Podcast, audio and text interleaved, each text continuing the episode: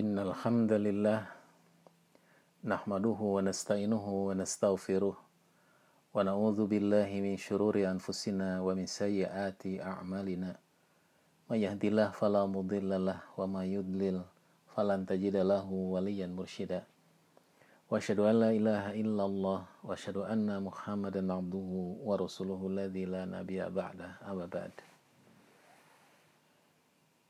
Iwata liman rahimakumullah Alhamdulillah pada kesempatan kali ini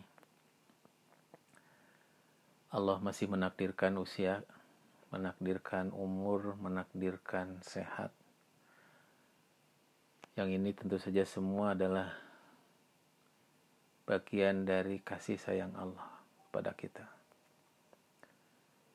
Walaupun di suasana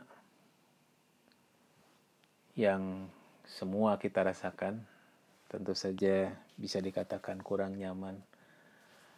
Karena semua tempat sekarang hampir semua tempat sudah di lockdown kaitan dengan musibah adanya COVID-19 tapi ini tentu saja bagi kita mudah-mudahan menjadi pelajaran berharga bagi kita semakin meningkatkan keimanan jelas semakin meningkatkan rasa syukur kita. Karena yang selama ini kita anggap biasa-biasa, bisa jalan kaki, bisa bertemu teman, bisa sepakat cipiki. Itu adalah perasaan teh kita biasa-biasa, tapi ternyata itu mahal ternyata ya. Jadi baru dikatakan dan dirasakan hal-hal yang kita uh, lakukan untuk yang rutin kita biasa lakukan itu biasa ternyata baru kerasa menjadi luar biasa saat pandemi ini ada. Makanya musibah ini tentu menjadi pelajaran berharga bagi kita. Insya Allah ini akan menjadi menjadikan kita lebih baik, lebih dewasa, lebih banyak syukur kepada Allah. Mudah-mudahan kita dicatat Allah. Iwata iman rahimakumullah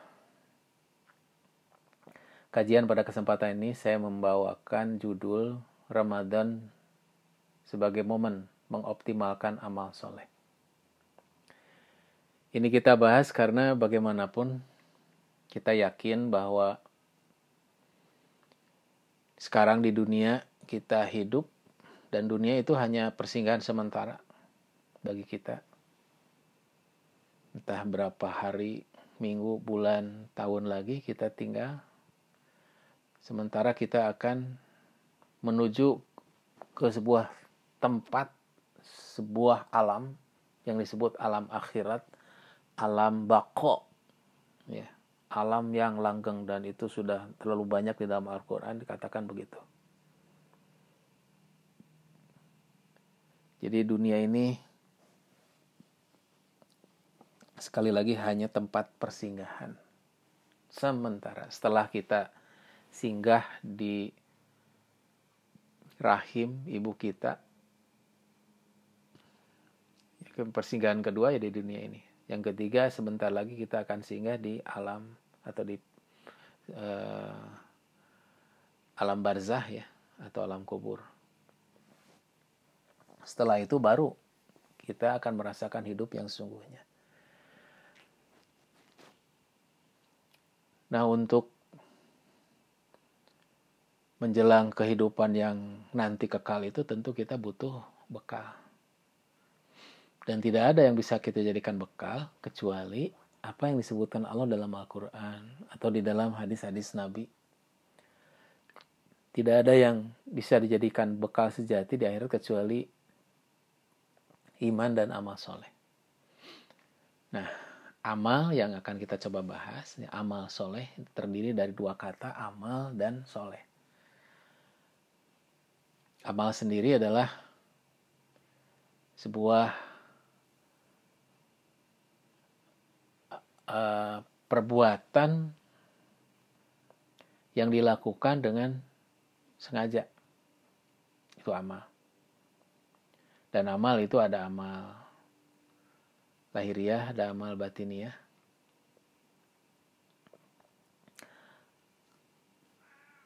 Sementara soleh sendiri juga itu adalah karena berasal dari bahasa Arab ya kita harus lihat juga definisi-definisi yang ada di dalam bahasa Arab atau paling tidak dalam patwa-patwa para ulama dari sisi kebahasaan itu sendiri. Kalau kita lihat dari beberapa definisi suatu amal ya dalam Islam baru dikatakan amal soleh itu apabila terpenuhi di dalamnya dua syarat yaitu yang pertama ikhlas. Ini sudah sering kita dengar ya ikhlas itu. Ikhlas jelas karena Allah. Dan itu sebetulnya adalah pengejawantahan dari syahadat kita. Syahadat la ilaha illallah. Yang kedua adalah mengikuti sunnah Rasulullah Muhammad SAW dalam hal sebab, jenis, kadar, tata cara, waktu, dan tempat ini dikutip dari Ahkam Minal Quran, susunan Syekh Utsaimin.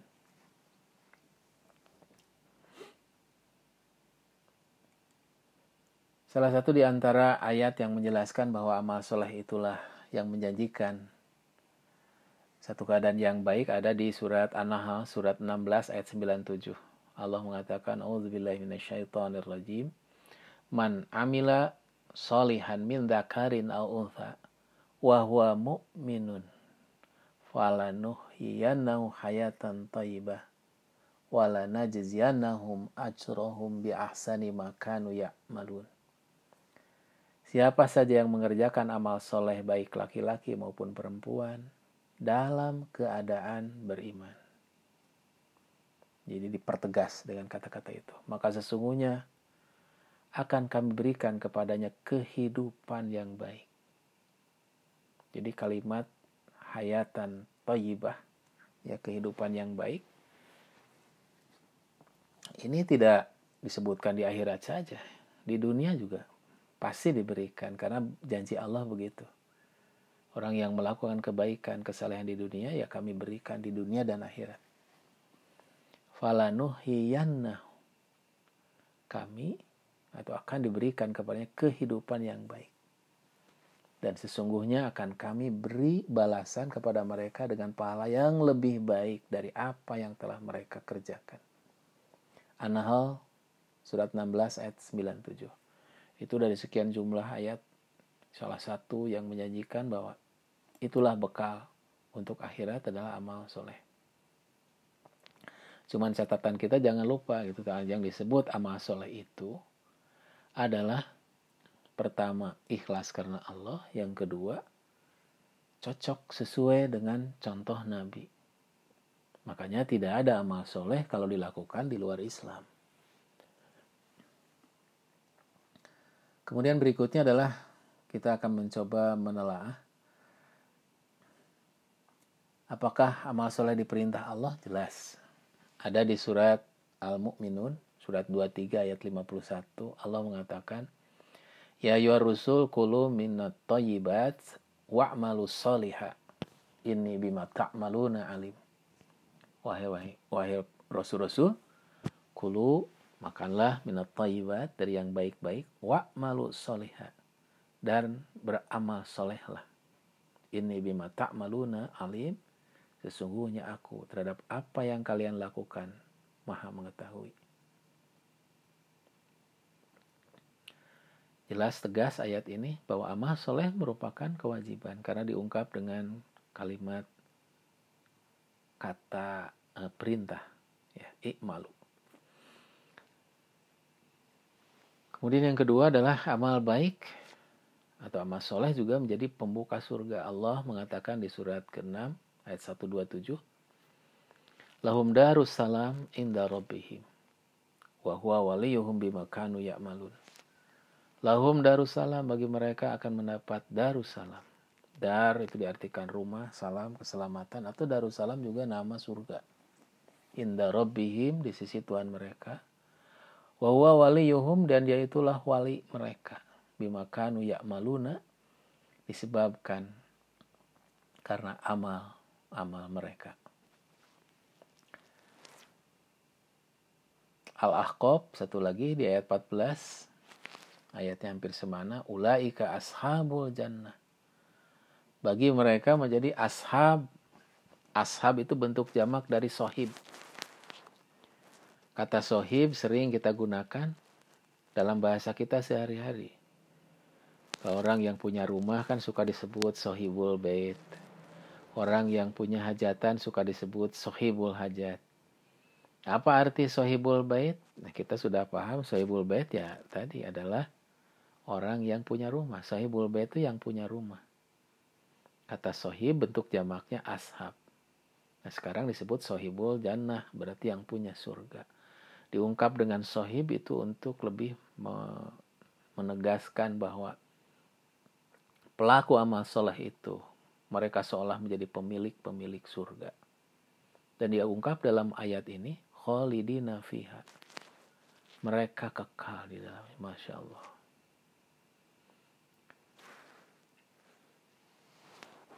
Kalau kita melihat kejadian dunia kan ya, ini kata para ahli astronomi, semesta ini sudah ada sekitar 25 biliun tahun. Hmm, sebuah waktu yang tidak terkira lamanya.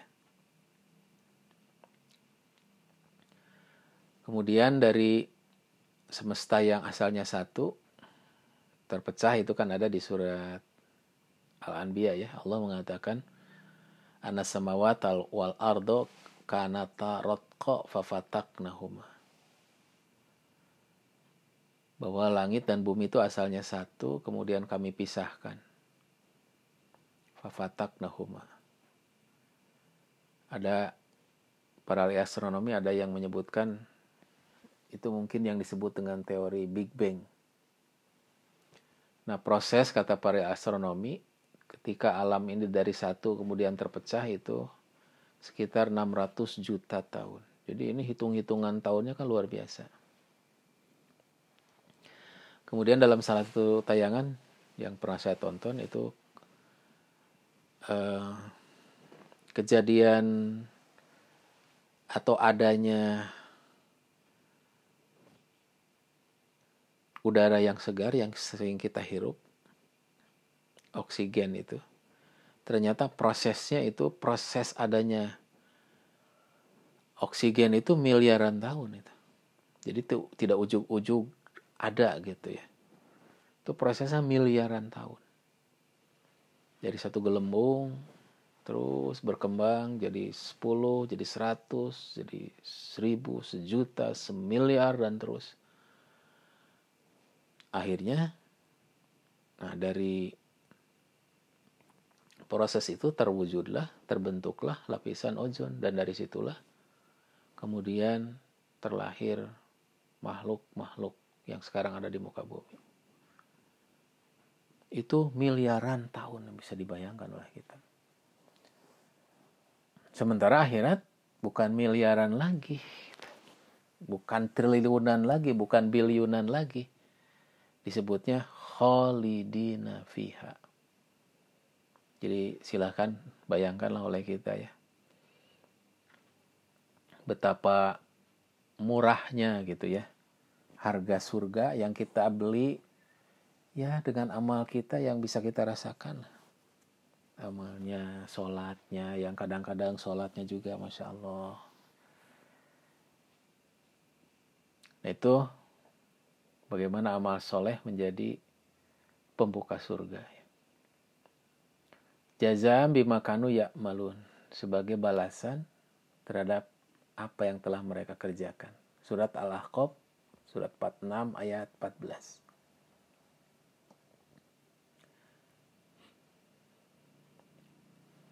Kemudian yang keempat, pelaku amal soleh akan dihapus. Wah, luar biasa nih. Dihapus kesalahan-kesalahannya. Allah mengatakan di surat Al-Ankabut nih. Surat 9 ayat 7 Waladina amanu wa amilus solihat lanukafirona anhum sayiatihim walanajziyanahum ahsanalladzi kanu ya'malun. Dan orang-orang yang beriman dan beramal soleh lanukafirona anhum sayiatihim pasti ya, diungkap dengan lamnya di situ ada lam taukid lam penguat arti gitu kata para ahli bahasa lanukafirona pasti kami akan hapus dari mereka sayiatihim kesalahan-kesalahan mereka mereka wala najziyannahum ahsanalladzi kanu ya'mal dan kami akan memberikan pahala yang lebih baik dari apa yang telah mereka lakukan. Kelima, balasan amal baik, amal soleh akan berbeda atau bertingkat-tingkat sesuai dengan nilai yang dibuat pada amalnya. Allah mengatakan walikulin darajatun mima amilu wa ma rabbuka bighafilin amma ya'malun walikulin dan bagi setiap para pengamal darajatun ada derajat ada tingkatan mima amilu dari apa yang telah mereka lakukan Wa marabbuka bighafilin dan ruh Tuhanmu tidaklah lelai ama ya'malun dari apa yang telah kalian lakukan, yang kalian amalkan. Makanya Rasulullah pernah mengatakan surga bertingkat-tingkat, termasuk neraka sebaliknya ya. Jadi tentu tidak sama orang yang beramal biasa-biasa dengan yang semangat, yang terus meningkatkan kualitas dan kuantitasnya. Pasti beda. Di dunia mungkin tidak berasa, tapi di kelak di akhirat pasti akan berasa. Duh, kenapa ya dulu satu saya tidak sungguh-sungguh, ya, tidak optimal dan tidak maksimal itu dalam melakukan amal itu. Makanya ini ayat ini sekaligus sebagai uh, pendorong lah, motivasi bagi kita, bagaimana supaya kita lebih banyak amal, ya, ya tadi meningkatkan kualitas dan kuantitasnya. Itu betapa luar biasanya amal soleh. Tapi amal soleh nah ini di poin berikutnya lima amal soleh itu bisa terhapus. Satu jika tidak sesuai dengan tuntunan syariah bahasa Al-Qur'annya misalnya di surat Al-Isra ayat 9 Allah mengatakan walladzina kadzabu bi ayatina wa liqa'il akhirah habitat a'maluhum. Dan orang-orang yang mendustakan ayat-ayat kami wa liqa'il akhirah dan mereka mendustakan terhadap liqa'il akhirah atau hilangnya keyakinan terhadap kehidupan akhirat habitat a'maluhum hapus seluruh amalnya. Nah, disyaratkan dalam Al-Quran, In hazal Quran yahdi lillati hiya aqwam. Itu tadi yang tadi itu ada di surat Al-Arab 147. Nah, di Al-Isra 9-nya memberi tuntunan, In hazal Quran yahdi lillati hiya aqwam wa yubashirul mu'minin alladzina ya'maluna solihat. Inna hadal Quran sesungguhnya ini adalah Al-Quran yahdi lilati hiya aqwa. Yang akan menunjukkan kepada jalan yang lurus. Wa yubashirul mu'minin berilah kabar gembira kepada orang-orang yang beriman. Alladzina ya'maluna solihat yang mereka itu melakukan amal soleh. Jadi amal soleh jelas harus berdasarkan Al-Quran atau sesuai dengan tuntunan syariah Rasulullah dalam sebuah hadis secara tegas mengatakan man amila amalan laisa alaihi amruna fahuwa. Siapa yang beramal satu amalan yang amalan itu bukan dari atau tidak yang aku perintahkan fahuwa maka ditolak. Ini, tidak aku perintahkan mungkin bisa ditata caranya atau dari amal itu sendiri Atau dalam ayat lain surat Al-Ghoshiyah misalnya itu sekaligus ancaman ya. Ada orang-orang yang sudah beramal dan berpenat-penat. Wujuhu yawma idin khasyi'ah amilatun nasibah. Pada hari itu wajah-wajah mereka khasyi'ah tertunduk, terhina. Amilatun nasibah padahal mereka telah beramal dengan penat, dengan capek tasla naron hamiyah tapi kelak mereka justru di masukkan ke neraka yang panas. Di surat Kahfi ada juga ayat yang mirip-mirip seperti itu. Bahasa Allah, Qul hal nunabbi'ukum bil ahsarina a'mala. Katakanlah, maukah aku beritahukan kepada orang yang paling rugi amalnya? Yaitu alladzina dola sa'yum fil hayati dunya wahum yahsabuna annahum yuhsinuna sun'a.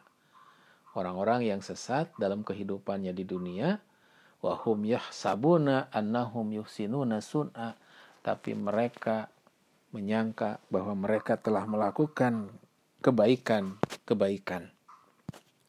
Ini sebuah pernyataan dari Allah yang lugas tegas kita harus hati-hati terhadap amal itu karena khawatir khawatir amal-amal itu tidak diterima Allah sebagai amalan yang soleh.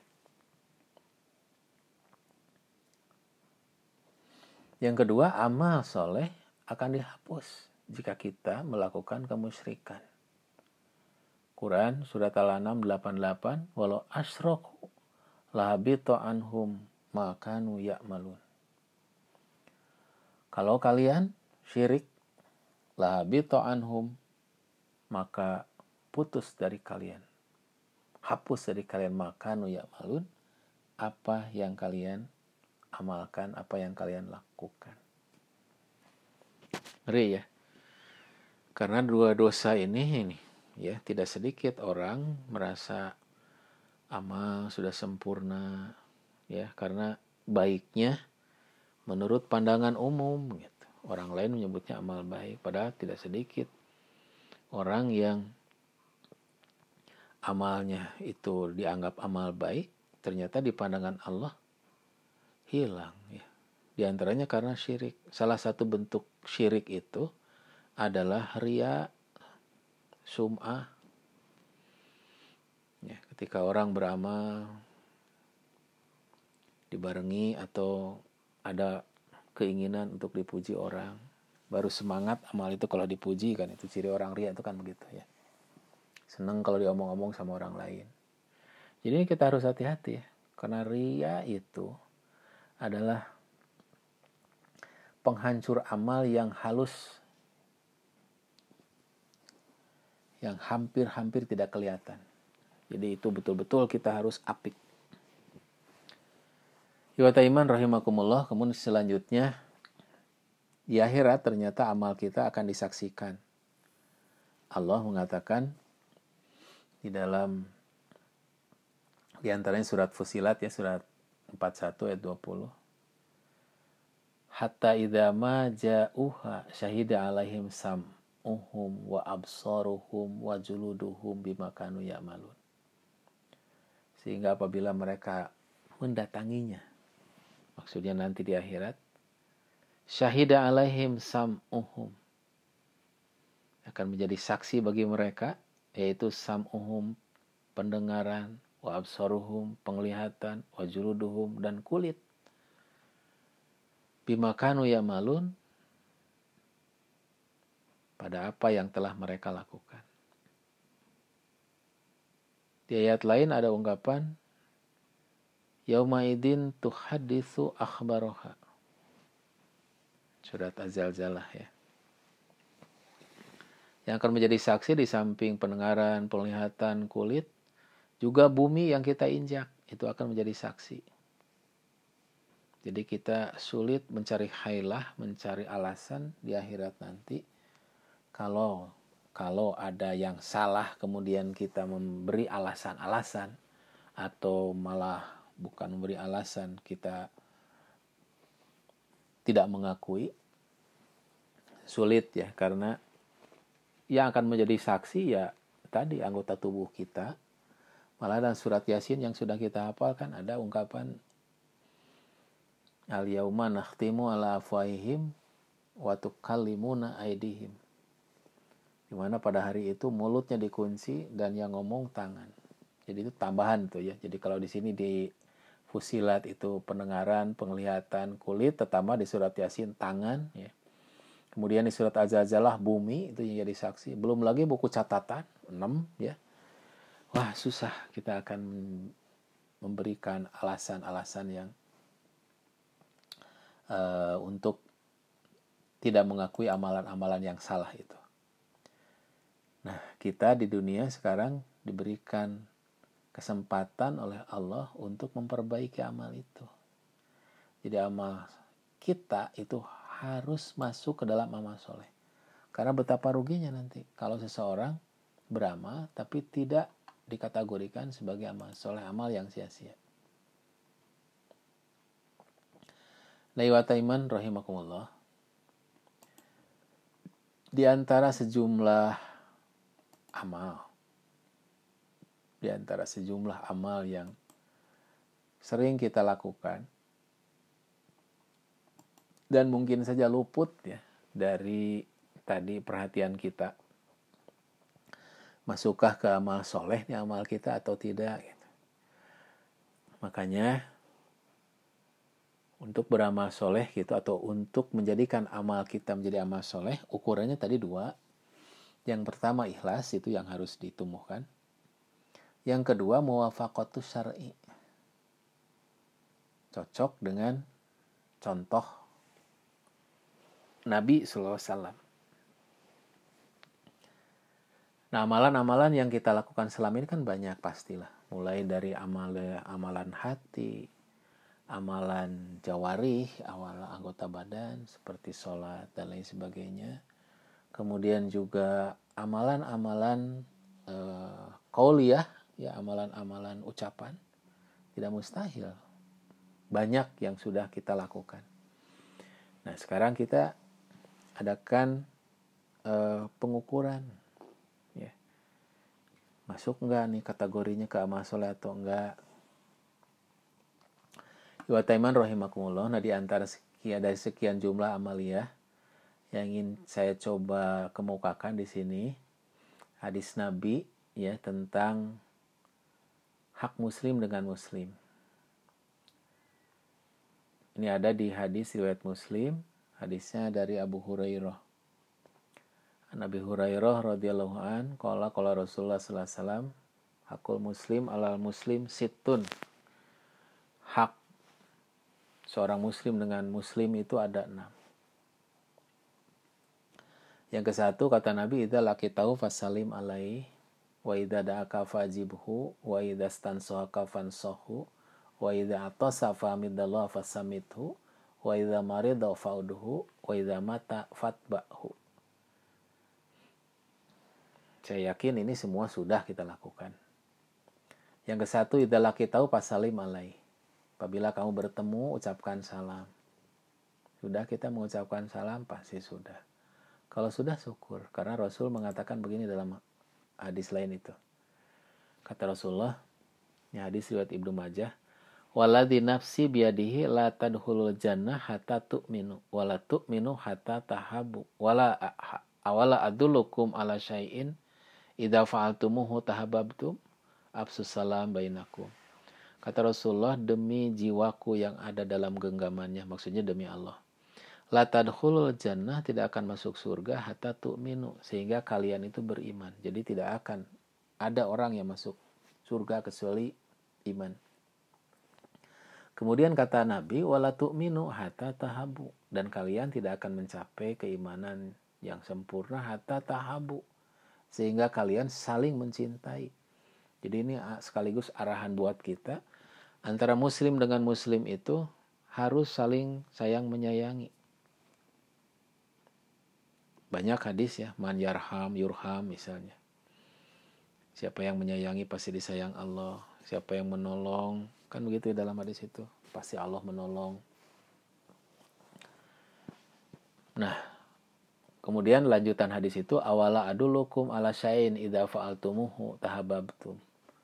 Mau aku tunjukkan kepada kalian satu amalan yang apabila kalian melakukannya, kalian akan saling mencintai. Nah, bahasa Nabi, absus salam bainakum. Ucapkan salam di antara kalian. Jadi salah satu seseorang yang bisa saling mencintai itu adalah mengucapkan salam. Nah sekarang tinggal salam yang bagaimana? Karena sering kali salam dalam bahasa kita atau dalam kebiasaan kita, salam itu rasanya biasa-biasa aja gitu ya. Malahan sentuhan ruhiyahnya juga hampir tidak ada. Seperti salam itu seperti ucapan selamat pagi, selamat siang, selamat malam gitu ya. Padahal salam dalam Islam itu tuh mendoakan mendoakan keselamatan dunia akhirat. Itu bukti salam ucapan assalamualaikum itu kan sampai tidak boleh diucapkan kepada orang yang di luar Islam kan gitu. Kenapa? Karena memang ucapan salam ini doa gitu doa untuk keselamatan saudara kita dunia dan akhirat.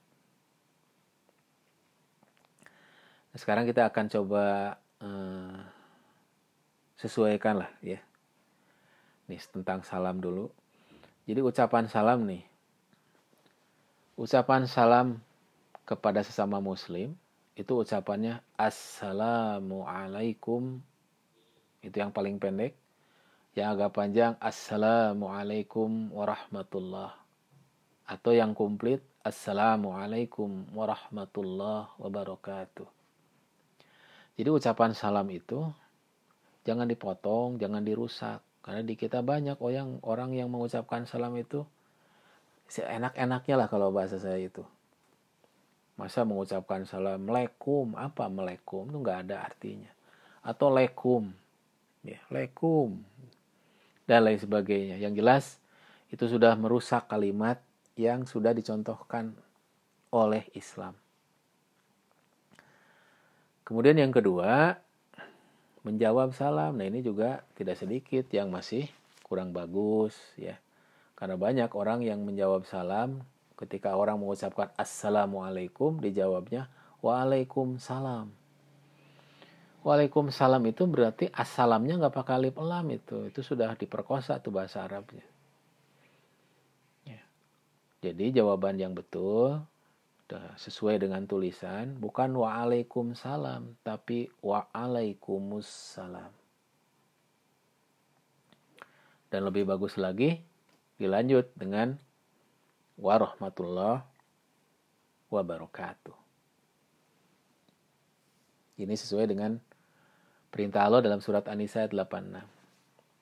Wa idza khuyyitum bi tahiyatin fahayu bi asana minha aw rudduha. Kalau kamu diberi penghormatan, balas dengan yang lebih baik atau yang setara. Jadi kalau ada orang yang mengucapkan assalamualaikum, maka kita jawab waalaikumsalam warahmatullah. Itu minimal sampai segitu. Lebih bagus lagi waalaikumsalam warahmatullah wabarakatuh. Berikutnya adalah bagaimana jika yang mengucapkan salam itu orang luar Islam. Misalnya mereka dengan baiknya mengucapkan assalamualaikum, maka kita hanya wajib menjawab waalaikum. Tidak boleh pakai salam tadi ya karena salam itu adalah keselamatan dunia dan akhirat. Jadi cukup waalaikum. Kemudian bagaimana kalau ada yang nitip salam? Nah, kan kita juga sudah suka oh, nitip salam nih untuk si ini, untuk bapak, untuk ibu dan sebagainya. Ini ada riwayat, riwayat Abu Daud, Rasul pernah berkata kepada Aisyah, kata Rasulullah, Qala laha inna Jibril yakrau alaiki salam. Aisyah, ini Jibril nitip salam buat kamu atau mengucapkan salam kepada kamu. Kemudian Aisyah menjawab wa alaihi salam warahmatullah wa alaihi salam. Jadi bukan dijawab waalaikumsalam tapi wa alaihi. Nah ini jadi e, syariah bagi kita ya. Jadi ketika ada orang yang nitip salam, kalau yang nitip salam itu laki-laki maka dijawab wa alaihi salam wa alaihi salam. Kalau yang nitip salamnya perempuan Dijawab wa alaihassalam. Wa alaihassalam. Nah berikutnya nih tentang adab. Nabi memberi tuntunan kepada kita tentang ucapan salam itu liusalimus soghir alal kabir wal maru alal qaid. Ya, itu ada dalam riwayat mutafak alaih. Rasul mengatakan hendaklah salam itu diucapkan dari yang muda kepada yang tua, yang berjalan kepada yang duduk, yang sedikit kepada yang banyak. Dalam riwayat Muslim, tambahannya yang menaiki kendaraan kepada yang berjalan. Jadi itu abdoliyahnya begitu. Kemudian tentang menjawab salam dari banyak orang bagaimana dan mengucapkan salam dari banyak orang. Jadi kalau kita sedang banyakkan, berapa orang yang mesti mengucapkan salam? Cukup satu orang saja. Jadi bahasa Nabi, yuziu anil jamaah idza maru ayusallim ahaduhum wa anil jamaah ayurudda ahaduhum. Jadi cukup dari satu kelompok orang untuk mengucapkan salam dan cukup dari sekelompok orang untuk menjawab salam hanya satu orang bahwa ternyata ada yang menjawab beberapa orang tidak jadi masalah. Seperti juga ada yang mengucapkan salamnya beberapa orang tidak menjadi masalah. Hanya tercukupi ketika ada orang yang sudah mengucapkan salam begitu. Jadi tidak harus semua. Terakhir tentang bab salamnya adalah mengucap, mengucapkan salam itu kapan? Mengucapkan salam itu ada di lima keadaan. Yang ke satu adalah saat bertemu, tadi hadisnya sudah, idza laki tahu apabila kamu bertemu. Yang kedua saat bertamu, ini ada di surat Al-Hujurat. Yang ketiga dalam hadis ada Rasul mengatakan saat berpisah. Yang keempat saat melewati kuburan, walaupun saat melewati kuburan bentuk salamnya membeda ya, yaitu Assalamualaikum ya ahla diyar minal muslimin wal muslimat. Kemudian yang kelima selesai dari sholat itu juga mengucapkan salam. Di poin 1, 2, 3, jadi bertemu, bertamu, berpisah, itu mesti dijawab. Ya, saat bertemu, orang mengucapkan salam mesti dijawab, saat berpisah, mesti dijawab, saat bertamu, mesti dijawab. Nah, yang dua terakhir, saat melewati kuburan, kita tidak perlu nunggu yang jawab, ya. Kemudian selesai sholat, walaupun imam yang mengucapkannya makmum tetap saja mengucapkan assalam yang sama. Itu syariah itu. Kemudian yang kedua dari hadis itu adalah wa idza da'aka fa'ajibhu. Apabila kamu diundang maka datangilah. Nah undangan dalam Islam ternyata paling tidak ada tiga macam yang pertama undangan itu para ulama nih yang menyebutkan sebagian besar para ulama itu menyebutkan wajib penghadiri undangan pernikahan. Dalam sebuah hadis Rasulullah pernah mengatakan, "Idza du'iya ahadukum ilal walimah falyatiha." Jika salah seorang di antara kalian diundang walimah, maka hadiri.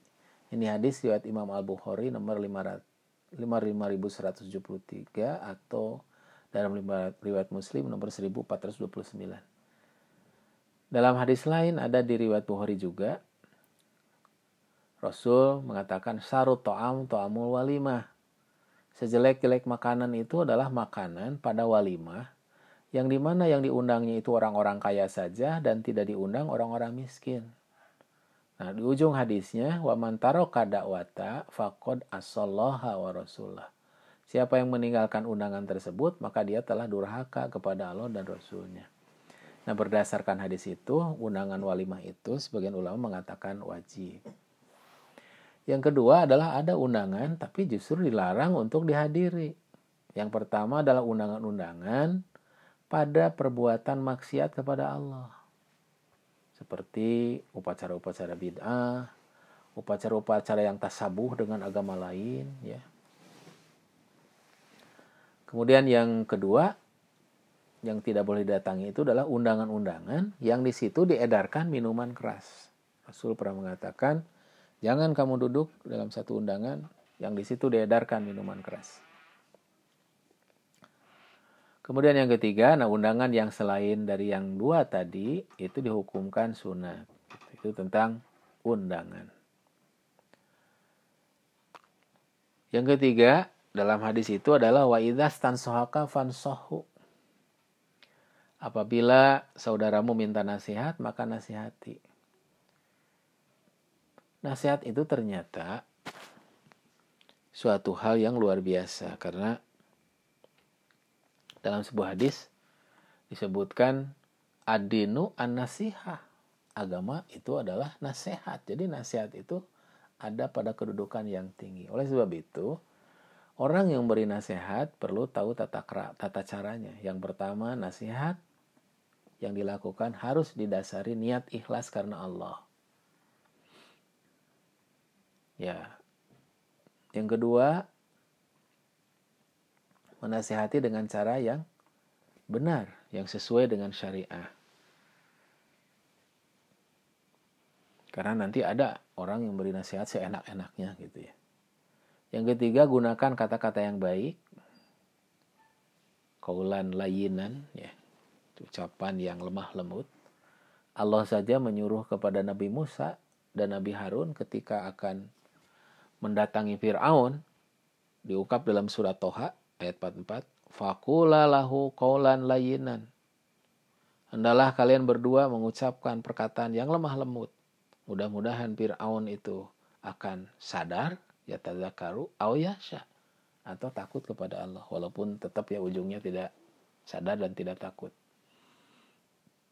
Tapi ini arahan dari Allah. Dalam memberi nasihat itu harus dengan kalimat-kalimat yang lainan, yang lemah lembut. Dalam ayat Quran ada ungkapan ud'u ila sabili robika bil hikmah wal mau'idotil hasanah wajadilhum bilat bilatih ya ahsan. Ajak ke jalan Tuhanmu itu dengan hikmah. Wal mau'idatil hasanah atau dengan nasihat yang baik. Wajadilhum bilatih ahsan atau mujadalah, diskusi, tapi diskusi pun dengan cara yang baik. Itulah Islam. Ya. Ajak kepada jalan Tuhanmu atau nasihati dengan hikmah. Hikmah itu apa? Hikmah itu ada salah satu definisi yang diberikan para ulama. Hikmah itu adalah al ilmu yub'asu lil amal. Ilmu yang bisa membangkitkan seseorang untuk beramal atau dalam bahasa kita bisa diartikan eh, hikmah itu yang menginspirasi lah gitu ya. Jadi tidak diajak, tidak diejek tapi diajak gitu orang itu. tidak dipukul tapi dirangkul gitulah yaitu bahasa-bahasa motivasi ya. Jadi menginspirasi orang sehingga orang itu sadar. Ya, jadi bukan dicemooh, dihina.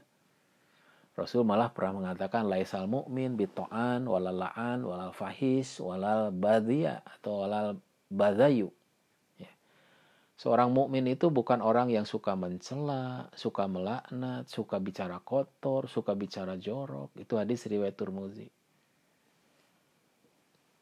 Karena omongan kita itu akan diminta pertanggungjawaban oleh oleh Allah Subhanahu wa taala. Ini yang harus kita takuti nih. Hadis riwayat Turmuzi Rasul pernah mengatakan inna rajula layatakallamu bil kalimati layaro biha ba'san Sungguh ada seorang hamba ketika berbicara dengan perkataan yang dianggap biasa itu. Ngomongnya itu. Mungkin karena biasa zolim ya. Jadi bahasa kasar, bahasa mencemooh dan sebagainya merasa biasa gitu. Padahal kata Rasul, Yahwi biha sabina kharifan finnar. Sementara dari omongan itu, itu akan menyebabkan dia masuk neraka. Yang kedalamannya itu 70 eh, tahun baru sampai. Nah, mengerikan sekali. Jadi kita harus hati-hati. Kemudian yang keempat, ketika memberi nasihat itu jangan memaksa agar nasihat mesti diterima orang. Karena nasihat orang udah terima mau enggak itu bukan urusan kita. Karena orang menerima nasihat yang baik itu itu bagian dari hidayah yang diberikan Allah. Jadi tidak perlu marah. Malah kalau kita marah ya kita bisa masuk ke dalam kategori mendolim ya maksa, memaksa, memaksakan kehendak kita. Yang kelima tidak boleh menasihati di depan umum. Ya ini situasional lah ya. Kalau memang harus di tempat umum ya sebetulnya tidak apa-apa juga ya. Ya kemungkinan kecil itu diterima. Tapi yang jelas itu arahan, tidak e, menasihati depan umum. Dan yang keenamnya jangan melakukan tahris. Nah itu penting juga nih. Tahris itu dalam salah satu kaidah disebutkan tahris adalah memancing pertengkaran antara orang yang satu dengan orang yang lainnya. Dalam bahasa kita mungkin bisa disebut provokator lah. Jadi tahris itu adalah orang yang memprovokasi dua orang yang sedang berseteru supaya lebih parah gitu berseterunya bukan diislahkan. Sementara tugas kita itu adalah mengislahkan orang gitu ya. Malah sampai boleh berbohong untuk mengislahkan seseorang boleh berbohong untuk mengislahkan seseorang. Misalnya ada orang sedang musuhan nih, lalu kita berkata kepada orang satu, eh sebetulnya orang itu mau akur sama kamu kepada orang itu juga ngomong yang sama padahal umpamanya tidak gitu. Itu boleh ya dalam Islam. Jadi tahris itu hati-hati. Sampai Rasul pernah mengatakan begini dalam sebuah hadis Inna syaiton kod ayisa ayak budahul musoluna fi jaziratil Arab. Sesungguhnya setan telah putus asa karena orang-orang sudah sholat menyembah Allah di Jazirah Arab. Maksudnya ketika Nabi diturunkan, diutus, orang-orang berpindah dari jahiliyah menjadi tauhid, dari syirik menjadi tauhid. Kemudian mereka melakukan sholat menyembah Allah. Setan putus asa. Tapi ternyata ada yang membangkitkan semangat lagi. Yaitu dalam hadis ini, walakin fit tahris bainahu. Tetapi setan tidak putus asa untuk mentahris. Mentahris tadi karena tahris itu provokator itu itu bukan hanya di akhirat atau di alam kubur saya sudah dapat siksa itu ya. ya. Karena itu bisa mengakibatkan jadi namimah nantinya, ngadu domba itu.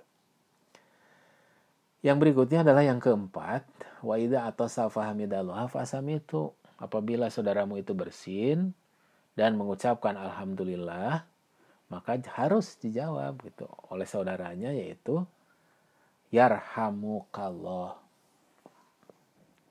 dan apabila yang mendengar itu mengucapkan yarhamukallah, maka yang bersin baca lagi yaitu yahdi kumullah wa yuslihu balakum. Jadi yang bersin itu ada dua ucapannya. Yang ke satu alhamdulillah dan yang keduanya yahdi kumullah wa yuslihu balakum. Itu pun kalau ada yang mengucapkan doa yaitu yarhamukallah gitu ya. Kalau tidak ada mah ya sudah saja bersin eh, apa alhamdulillah saja. Kalau ada pertanyaan berapa kali eh, yang bersin harus disahut dengan yarhamukallah, ya itu selama dalam beberapa hadis yang saya baca itu tiga kali gitu ya. Jadi kalau lebih misalnya ada 10 kali, 20 kali hayo bersin ya mungkin karena flu ya sudah biarin saja. Itu tentang bersin. Jadi dari bersin saja luar biasa ya terkecuali nah yang bersinnya di dalam sholat. Jadi kalau ada orang yang sholat lalu bersin, dia spontan mengucapkan kalimat tahmid alhamdulillah. Nah yang ada di sebelahnya kalau lagi berjamaah itu tidak boleh ya nyahut dengan yarhamukallah. Kalau nyahut keluar suara yarhamukallah batal sholatnya. Kemudian yang kelima wa idza maridha fa'udhu. Apabila sakit maka jenguk. Ternyata menjenguk orang yang meninggal, eh, yang sakit itu luar biasa. Ini hadis Rasul, Rasul pernah mengatakan, Ida ada rajulu ahohul muslim masa fihir khirofatil jannah hatta yajlisa. Faida jalasa gomarot rahmah. Kata Rasul, apabila seorang menjenguk saudaranya yang muslim, yang sedang sakit, maka seakan-akan dia berjalan sambil memetik buah-buahan surga atau seolah-olah dia berada di khirofatil jannah. Berada di taman-taman surga. Sehingga duduk. Apabila dia sudah duduk, maka diturunkan kepadanya rahmat dengan deras. Apabila dia menjenguknya di pagi hari, maka 70 ribu malaikat mendoakannya agar mendapat rahmat hingga waktu sore. Apabila menjenguknya di waktu sore, maka 70 malaik 70 ribu malaikat mendoakannya agar diberi rahmat hingga waktu pagi. Luar biasa. Jadi kalau orang pergi umroh pergi haji berebut mau ke Raudoh ya karena merasa di taman surga di kita banyak taman surga itu. Tinggal pergi aja ke rumah orang yang di situ mereka sedang sakit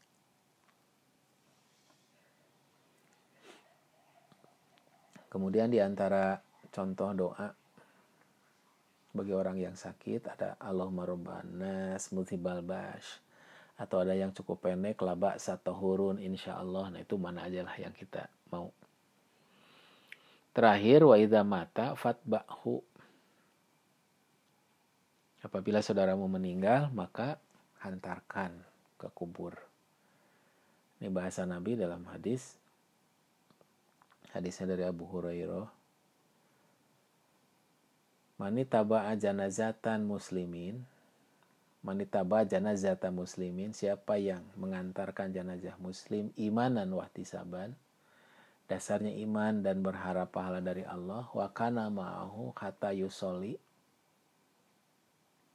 hingga ia menyolatkan dan selesai penguburannya sesungguhnya dia akan kembali dengan membawa dua kirot masing-masing kirot itu seperti gunung Uhud Siapa yang menyolatinya saja kemudian pulang sebelum dikuburkan, sungguhnya dia telah membawa pulang satu kirot.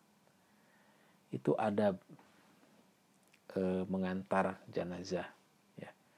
Nah, ini tentu saja yang dituju adalah hanya laki-laki. Karena kalau perempuan itu justru sebaiknya atau lebih baik tidak mengantar. Untuk perempuan tidak mengantar jadi kalau saya kasih ilustrasi begini. Ada seorang ibu sebut saja lah punya anak dua. Dua-duanya perempuan. Terus meninggal si ibu tadi. Saat meninggal, anak yang satu pergi mengantar ke kuburan. Dasarnya karena kasih sayang. Yang satu kasih sayang juga, tapi ingat sabda Nabi gitu, untuk perempuan lebih baik tidak. Makanya dia tidak mengantar. Nah, bagi si ibu yang meninggal tadi, dari anak yang mengantar tidak dapat apa-apa. Sementara dari anak yang tidak mengantar, dia mendapat amal soleh. Kira-kira kita pilih yang mana? ya. Itu syariah. Itu amal soleh gitu. Jadi kembali lagi ke tema sentral kita ya.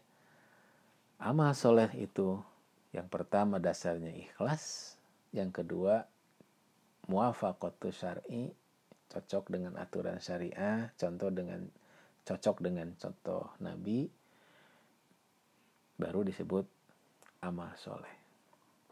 Iwata iman rahimakumullah itu saja mungkin yang dapat saya sampaikan. Mudah-mudahan sekali lagi Ramadan ini betul-betul menjadi momen bagi kita untuk meningkatkan amal soleh kita. Di tengah pandemi COVID-19 tentu akan berlipat-lipat gitu ya ketika semangat kita tetap teguh untuk meningkatkan kualitas dan kuantitas amal soleh kita. Mudah-mudahan Allah Subhanahu wa taala menguatkan diri kita, menanamkan kesabaran yang sesungguhnya dalam diri kita sehingga bisa kita melaksanakan syariah ini, aturan-aturan Allah ini dengan baik dan benar. Dinilai Allah sebagai amal soleh. Mohon maaf bila ada hal yang kurang berkenan. Aku lukoli hadza wa walakum. Wassalamualaikum warahmatullahi wabarakatuh.